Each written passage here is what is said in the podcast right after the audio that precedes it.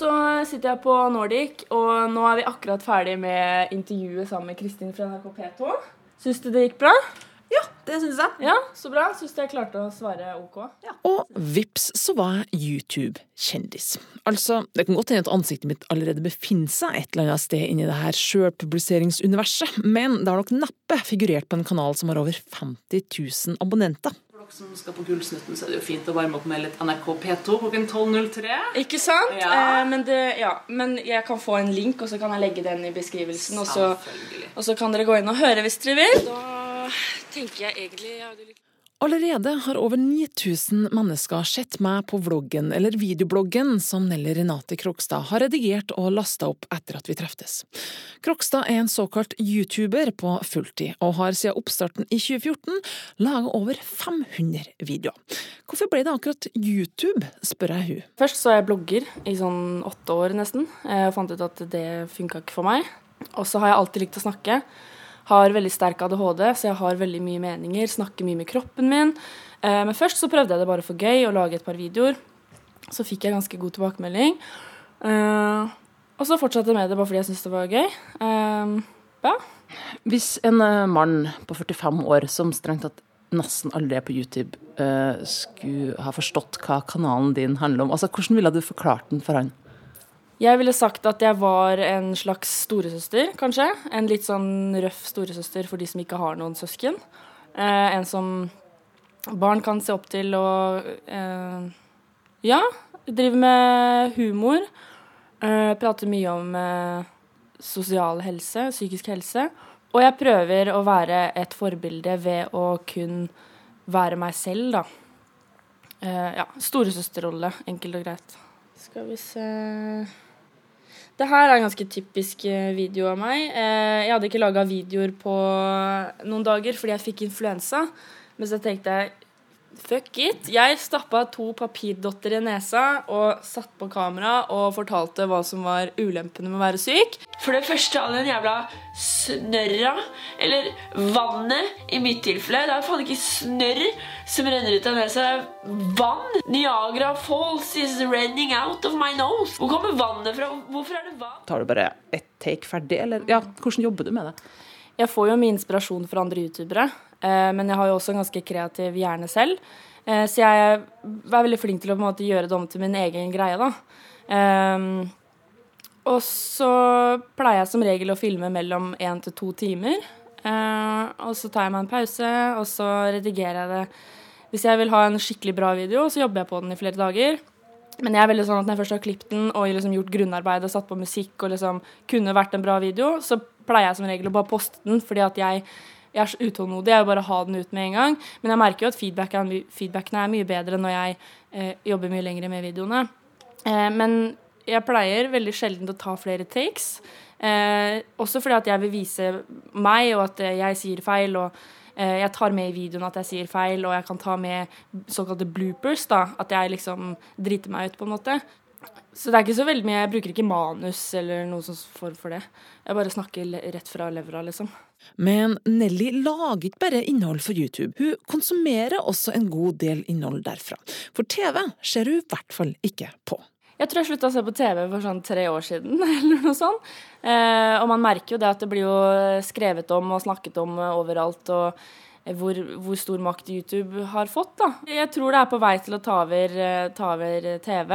Um, man ser jo youtubere kommer jo over på Viaplay og på Netflix og på Dplay og på Sumo osv. osv. At eh, jeg tror det om et par år så er det ingen under uh, 35 som ser på TV lenger.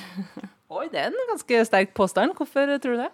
Fordi at eh, det blir mye enklere å kunne se på og følge med på ting man vil når man vil. Eh, fordi på TV så er man sånn Ja, du har jo disse eldre som Ja, ja nyhetene begynner da, og det programmet begynner da. Men jeg tror sakte, men sikkert at alle disse TV-programmene som går bra, da, kommer til å ende opp på enten YouTube eller på disse her eh, streamingplattformene, da. Hvis du var en av dem som ikke skjønte hva Pelle K gjorde i Skal vi danse i 2015, eller hvem han Dennis i sist utgave av Kjendisfarmen var, så tilhører du neppe YouTube-generasjonen. Generasjonen som er hakket yngre enn internettgenerasjonen. For i 2005 skapte han tre vennene Chad Hurley, Steve Chen og Javed Karim nettstedet YouTube. Og den aller første videoen som ble lasta opp der, er av Karim når han er på besøk i San Diego Zoo. All right, so here we are one of the uh, den 18 sekunders lange filmen er vist over 47 millioner ganger siden da. Men det blir fort ingenting i sammenligning med hvor mange visninger de virkelig populære videoene har fått. It's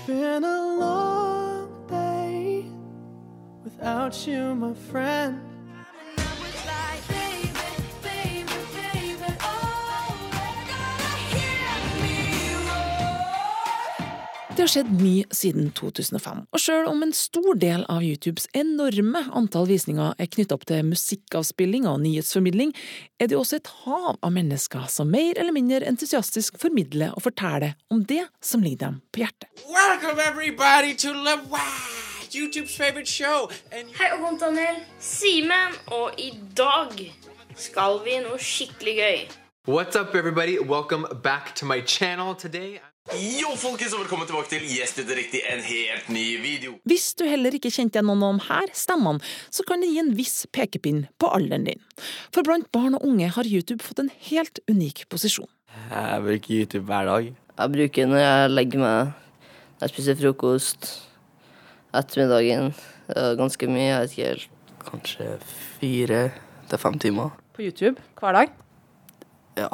14-åringene Asbjørn Utseth, Colin Hellberg og Kasper Solstad ved Blusvoll skole innrømmer at det går med en del tid på YouTube, og klassekamerat Ingelin Sandnes Knutsen kan bekrefte at det er en vanlig fritidssyssel på skolen. Ja, jeg tror ungdom bruker ganske mye tid på YouTube, i hvert fall i forhold til før, da, og ja, det den eldre generasjonen gjør. Hva er det folk holder på med når de sitter med mobilen her i friminuttene? Um, jeg tror det er både sosiale medier og YouTube, og litt spill. Ifølge tall fra Kantar TNS så har YouTube en ukentlig dekning blant 12-17-åringer på 94% Til sammenligning har NRK nett-TV 35% i samme aldersgruppe. Og ifølge tall fra Google sjøl er det en halv million nordmenn mellom 15 til 29 år som ser på YouTube hver dag. Nelly møter meg i Nydalen, i Nordic Screens sine kontorer. Et landskap fylt av mange unge, kule mennesker som jobber i et såkalt nettverk som det stadig dukker opp flere av i Norge. Men blant all denne hippe ungdommen finner jeg en erfaren ringrev innen mediebransjen. Mangeårig journalist og redaktør, men nå kanaldirektør Ivar Sten Johnsen. Nordic Screens er kort og godt et, eh, et mediaselskap. Vi, eh, vi eh, jobber med talenter. I TV heter det programledere. Og vi, vi lager fjernsynsproduksjoner, og vi lager videoproduksjoner, og vi jobber med bedrifter og i det hele tatt en ny type medieselskap, vil jeg si at vi er. Vi som startet Nordic Screens har jo bakgrunn fra TV 2, og jobbet mange år i TV 2. Men vi hadde lyst til å lage arbeidsplasser knyttet til den spennende delen av medieutviklingen. Det er kanskje ikke så gøy å sitte i TV nå og se at alle de unge målgruppene forsvinner. Det er morsommere å sitte på vår kant og si at vi er spesialistene på de under 30, og eh, at vi virkelig kan dette med video i markedsføringen. Ja, for hva er dere? Er dere mest en manager, en, en eh, markedsføringsbyrå, eller er dere redaktører? Eller hvordan vil du fordele det prosentvis? Vi er ikke redaktører for, eh, for YouTube-kanalene som, eh, som talentene våre har. Det er de selv. Men vi er jo rådgivere i, for dem. Og mange av, mange av de unge er lydhøre for, for gode råd. Én ting er det ansvaret youtuberne og nettverkene tar, men YouTube sjøl har blitt anklaga for å ikke ha tatt nok ansvar i samsvar med sin størrelse, noe som har resultert i tydelige endringer hos internettgiganten i den siste tida. Wall Street Journal hadde en serie artikler i mars for et år siden, hvor de avslørte at eh, YouTube hadde vist reklame for eh, ja, anerkjente merkevarer som Cola og Procter Gamble og Amazon og Microsoft foran videoer med klart rasistisk og antisemittistisk eh, innhold. Og dette skapte grunnlag for en ganske stor boikottaksjon fra annonsører mot YouTube. Og det igangsatte en ganske heftig opprydningsaksjon internt i, i YouTube. Og Det ene det er at um, små kanaler ikke lenger får lov å ha reklame. Og det andre det er at de har sluppet løs uh, sin kunstig intelligensmaskin uh, på hele YouTube, og som forsøker å plukke ut uh, dårlig innhold og fjerne reklame på videoer med dårlig innhold. Men her er det en eh, ikke fullt opplært kunstig intelligens-robot som leter etter banneord og naken hud, og, så den er, det, det er mye rart i den eh, vurderingen der. Og denne roboten fikk youtuberen Nelly erfaring med. Eh, jeg hadde et ganske stort problem med det for et halvt år siden, men nå så har YouTube sett at jeg er en ordentlig person, holdt jeg på å si, sånn at nå sliter jeg ikke noe med det lenger. Men det var et ganske stort problem i og med at banning er en stor del av mitt ordforråd, dessverre. Men sånn er jeg bare. Så nå så går det mye bedre, da. Så langt i intervjuet har du ikke banna en eneste gang? Nei, ikke sant? Men du vet, nå, nå, tar jeg meg sammen, vet du. P2. Men jeg innså jo faktisk i senere tid at fy faen, for et kjedelig program det egentlig er. Og ikke minst creepy. Hvem faen var det som kom Men i og med at du har så mange unge seere, du blir jo automatisk et forbilde og en rollemodell og har en påvirkningskraft. Om du liker det eller ikke, hva tenker du om det ansvaret? Altså Selvfølgelig, alle offentlige personer får jo automatisk eh, en, et ansvar. Eh, men jeg prøver så godt jeg kan å ikke tenke så mye over det. Jeg vet at det er veldig banalt å si det, men det er jo foreldre som bestemmer hva barna skal se på. Eh, akkurat som voksenprogrammer, så vet barna at dette her er ikke for voksne, nei, for barn. Eh, det blir jo sånn uansett hva jeg mener og hva jeg vil, så vil jo alltid barn følge meg. Så jeg har det jo alltid i bakhodet at enkelte ting snakker jeg ikke om, og enkelte ting anbefaler jeg ikke å gjøre, og jeg prøver på en måte å formulere ordforrådet mitt litt barnsligere. Men samtidig så vil jeg jo også at altså, hvis jeg fortsetter å snakke sånn som jeg vil, så kommer jo det riktige publikummet for meg etter hvert. Eh, men jeg vil jo samtidig også beholde den yngre generasjonen også. Så jeg, jeg sier alltid at jeg er ikke noe godt forbilde. Eh, men de sier at jeg er et godt forbilde, fordi at jeg viser 100% naturlig meg. Og det er å være et godt forbilde i seg selv, da. Tydeligvis. Så. Har du noen eksempler på sånne ting som du da ikke snakker om eller ikke viser fram, eller ja? Eh, det er jo ikke noe Nei, egentlig ikke. Eh, det jeg ikke snakker så veldig mye om, er vel eh, Jeg prøver å holde et visst privatliv, da. Som f.eks. hvis jeg får meg kjæreste osv. Men jeg snakker jo høyt om eh, sexliv. Jeg tar med de på fylla med, med et vloggkamera. Eh, så det er jo veldig eh, lite som jeg faktisk sensurerer. Eh, jeg fikk litt eh, strenge tilbakemeldinger når jeg en gang var full og tok med meg kamera og løp over T-banen eh, og sånne ting. Eh, så jeg lærer jo. Det er kanskje ikke så veldig bra å gjøre det. Nordic Screens sier at de ikke fungerer som redaktører, og på YouTube finnes det ingen PFU-pekefinger som viftes rundt. Men som vi hørte her, tilbakemelding og kritikk fra sjølve seerne. Men for en gammel redaktør som Sten Johnsen, rykka det ikke litt ekstra i Vær varsom-ryggraden hans når han entra denne medieplattformen? Vi må jo huske at selvpubliseringsuniverset som, eh, som vi snakker om her, da, det er jo ikke eh, det samme som journalistikk. De er ikke journalistutdannet, og man jobber ikke med pressens Vær varsom-plakat og eh, alle disse tingene. Veldig mye så handler det jo om å fortelle om en lidenskap du har, om det er musikk eller om det er eh, et spill. Men allikevel så må man være ansvarlig i det, og jeg opplever jo at de unge er mer ansvarlige enn vi skulle tro. F.eks. For eksempel så er det flere av de norske gaming-youtuberne som eh, helt bevisst har bestemt seg for ikke å banne når de, eh, når de kommenterer spillene sine. Og det handler jo om at de skjønner at de har påvirkningskraft på eh, unge mennesker, og at de ønsker å, eh, å ta det ansvaret på, eh, på alvor. Mm. Ja, så det har ikke vært utfordrende for deg å, å skifte landskap eh, fra, fra det ene til det andre? Det kan være, For meg personlig så kan det også være litt vemodig, fordi jeg ser at det som skjer er jo at når selvpubliseringsuniverset blir stort, og annonsekronene flytter seg over dit, så svekker jo det eh, tradisjonelle mediers eh, finansieringsgrunnlag for journalistikk. Eh, og, så det er, eh, det er tankevekkende, og, eh, for det journalistikk er jo veldig viktig i samfunnet. Nordic Screens har mange unge mennesker i stallen sin. Hvordan går de fram når de inngår forretningssamarbeid med så unge mennesker, noen under myndighetsalder? Altså, du må ha foreldres eh, eller foresattes eh, samtykke, sånn at eh, kontrakter blir jo inngått da med, med samtykke hos eh, foreldrene. Så det er jo viktig.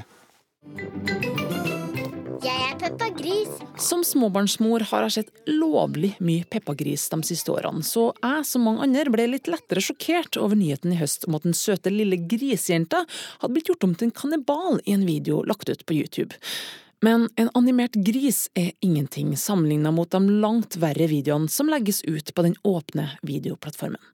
Kritikken rundt sikkerheten og troverdigheten til YouTube det siste ett og et halvt året har ført til at nettgiganten har lovt å øke antallet moderatorer til 10 000 mennesker innen 2018. Men det stormer fortsatt. På tirsdag kom nyheten at Google og YouTube har blitt anmeldt til amerikanske myndigheter av 23 organisasjoner som mener de har brutt loven om reklame retta mot barn. Sjøl om YouTube Kids-appen etter sigende skal relanseres i løpet av året, er de her organisasjonene ikke fornøyd med hvordan YouTube forvalter ansvaret sitt overfor barn. Jeg spør Elisabeth Staksrud, professor ved Institutt for medier og kommunikasjon ved Universitetet i Oslo, om hvordan hun syns YouTube har håndtert ansvaret som følger med den enorme populariteten som plattformen har. Ja, Her er det vanskelig kanskje å skille ut YouTube som én spesiell aktør, men generelt så når vi ser på både hvordan regelverk fungerer, hvordan loven fungerer, og hvordan de ulike aktørene innenfor eh, det vi kan kalle en slags sånn sosiale mediegruppe fungerer, så er det klart at de aller, aller fleste av dem er amerikanske. De forholder seg til amerikansk lovgivning. De har en annen måte å tenke sikkerhet på, eh, en annen måte å tenke redaksjonelt ansvar på enn det som vi kanskje har vært vant til. Det er eh, mindre moderering. Vi snakker om et enormt volum av videoer som lastes opp hver eneste dag, sånn at det er på en måte en annen virkelighet hvor eh, studier har vist at de kommersielle aktørene ikke klarer å lage løsninger som barn og unge forstår i forhold til hvordan de skal beskytte seg selv, hvordan de skal eh, varsle om ting som skjer, hvordan de skal stoppe folk som trakasserer dem, f.eks. i kommentarfelt. Um, og det gjør jo at uh, vi ser at mer og mer av ansvaret blir liggende på barnet selv i forhold til hva de må kunne for å holde seg trygge. Og det er noe annet enn det vi har vært vant til, i hvert fall her i Norge. Mm, men eh, tradisjonelle medier har jo en redaktør, eh, mens her på en selvpubliseringskanal så er det jo mye mer fritt fram. Er det da en utfordring, i og med at ungdom ja, Når jeg prater med dem, så bruker de jo ikke tid på redigerte medier, de bruker jo veldig mye tid på YouTube. Ja, og vi har sett kanskje særlig de siste fem-ti årene, men, men, kanskje særlig de siste fem årene, hvordan en del tjenester på nettet, og da særlig YouTube, har blitt ekstremt sentralt. Og for noen år siden så gjorde vi en stor undersøkelse hvor vi bl.a. analyserte over 11 000 svar fra barn i 25 land, hvor vi spurte dem hva syns dere på internett er mest problematisk for barn på deres alder. Og vi var veldig overrasket, vi var ikke forberedt på det som forskere, over at så mange av barna nevnte YouTube. Det var helt klart den plattformen som ble nevnt oftest som problematisk, men mye av det, og det var også ganske overraskende for oss, var knyttet til at de brukte YouTube som en kanal for nyheter og for informasjon. Sånn at det mest skremmende, det handlet det handlet ikke om sånn fiksjonsrelaterte ting eller andre brukere som legger ut tøys og tull. Det handlet om klipp fra krig, andre barn som led, dyr som led, og at de relaterte nyheter mer til YouTube enn kanskje til andre kanaler. Og det var en stor overraskelse for oss. Og det at det da ikke er redigert, at det ikke er den ansvarlige redaktøren, men at hvem som helst i teorien kan legge ut hva de vil, og at regelverket knytter seg mer til det amerikanske systemet, og at det er en kommersiell aktør, det skaper helt klart en del utfordringer, særlig for de yngste har også startet en underskriftskampanje for å protestere mot at hun er nominert til videoprisen Gullsnutten. Som Oslo tingrett ble mannen tidligere i vinter dømt for ærekrenkelser mot Dennis Vareide, ene halvparten av YouTube-duoen Preps. Og hva tenker du om den videoen? Vet ikke, de er slemme. Men uh, du ser på dem likevel? Ja. Jeg har sett eh, noen sånne konflikter, og jeg syns egentlig det er litt barnslig. Fordi de må liksom si det til alle, i stedet for at de kan finne ut om det sjøl, hvis du skjønner. Så jeg syns det er kanskje litt teit, da. Men har du sjøl vært inne og sett noen av filmene? Ja, han som heter Royscam, som legger ut ganske mye sånne videoer. Han har på en måte en egen kategori der han holder med sånn, han holder med mye annet. Men er han flink til det? Er liksom artig å se på når han liksom ranter og går og disser i vei? Ikke selve rantinga, men det, det blir på en måte en sånn bra roast, skal jeg si. Eh, Først av alt, jeg må bare beklage mitt klønete forsøk på å snakke ungdommens språk her.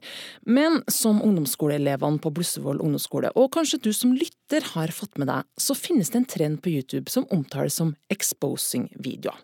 Og hva tenker hun om denne type mobbevideoer, hun som lever livet sitt på YouTube, nemlig Nelly Krokstad? Jeg har ganske delt mening om det. Jeg syns at det er fint at vi har folk som tør å kunne si ifra og gå litt mot strømmen, men samtidig så syns jeg veldig mye blir usaklig og dratt altfor langt. Eh, som f.eks. at det er nødt til å bli rettssak. Eh, og dette her med anklagelser for grove forbrytelser syns jeg ikke har noe på YouTube å gjøre, men eh, direkte politianmelding, da. Sånn burde det egentlig være. For det her er snakk om youtubere som har fryktelig mange fans. Eh, som karrieren blir ødelagt til, og det syns jeg er veldig trist. Ehm, og jeg tenker at hvis noen har gjort noe, så har ikke det noen ting i det offentlige å gjøre. Jeg spør kanaldirektør Sten Johnsen om kanskje veien fra soverommet til det offentlige rom kan bli lovlig kort for de her youtuberne. Jeg vet ikke om det har en direkte sammenheng, men det som er en sak, er at hvis man ønsker å kritisere andre, eh, og at den kritikken kan gå over i, i mobbing, så er det klart at eh, da syns jeg at behovet for en redaktør eh, skriker, skriker mot deg. Og den redaktøren fins ikke på YouTube.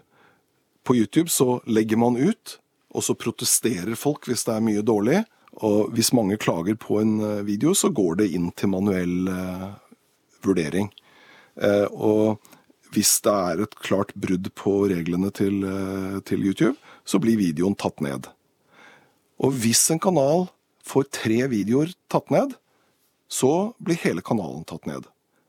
Men vi har eh, men, Så her handler det om hvor går grensen mellom eh, hva du kan si som kanskje en del av humor, og hva som er inn i mobbelandskapet, og kanskje enda verre over i injurielandskapet. Eh, da, og der har vi jo YouTube-dommen fra januar i tingretten som helt tydelig sier at eh, ytringsfrihetens regler og begrensninger den gjelder på YouTube akkurat som den gjelder alle andre steder. Mm. Har den dommen da fått konsekvenser for hvordan dere tenker å jobbe i Nordic Screens? Nei, vi har hele tiden vært uh, klar over dette, og vi ønsker ikke å ha uh, youtubere i vår stall som, uh, som går over disse grensene overhodet. Men det kan komme andre konsekvenser også når grensene blir tøyd. NRK meldte at flere norske annonsører reagerte på at deres reklamer kom før en slik exposing-video. Elektronikkjeden Power gikk til det grepet å trekke reklamen sin. Men selv om noen annonsører kan trekke seg, så er det fortsatt mulig å tjene penger på sånt. Det er sånn det er, og det skaper views. Tenåringen Colin og medieprofessoren Staksrud er enig på dette punktet. Og det er jo helt åpenbart at en del av de som oppleves som kulest eller mest populære av youtuberne, eh, nører liksom opp under denne litt sånn konfliktbaserte måten å forholde seg til hverandre på, nettopp fordi at det gir mer interesse, flere klikk og genererer mer penger. Denne type fenomener har vi jo alltid hatt. Eh, sånn at istedenfor å, å sende brev til hverandre, eh, lapper i klasserommet eller skrive en plakat som man henger opp eh, på en lyktestolpe i bygda der man vokser opp, eller, eh, eller at man eh, sender tekstmeldinger til hverandre, så har man plutselig nå et, et kjempestort publikum som kan være en del av dette her. Til slutt spør jeg Elisabeth Staksrud om noen råd for oss voksne som skal oppdra unger til å kunne oppføre seg på YouTube i framtida. Og så er det, og det er kanskje det aller viktigste, å snakke med dem om hva er faktisk lov å laste opp, og hva er ikke lov å laste opp. Og i Norge så er det sånn at du kan ikke f.eks. filme noen andre. Noen som blir banka opp, noen som gjør noe rart i klasserommet, eh, noen du ser på gata, og så laste det opp på YouTube. Det, vi har en veldig streng personvernlovgivning. Alle som er på en film eller på et bilde, må gi tillatelse for at dette skal lastes opp, og det er, eh, det er, du forpliktet til. Og du kan også kreve at det tas ned igjen. Sånn at det å kunne litt om personvern og akkurat det har Nelly fått med seg når hun allerede helt i starten spurte om det er greit at jeg filmer intervjuet. Sånn at, men hvis ikke du vil være med, så kan jeg sladde over ansiktet ditt. Nelly må av gårde med selfiekameraet sitt for å vlogge videre om dagen sin.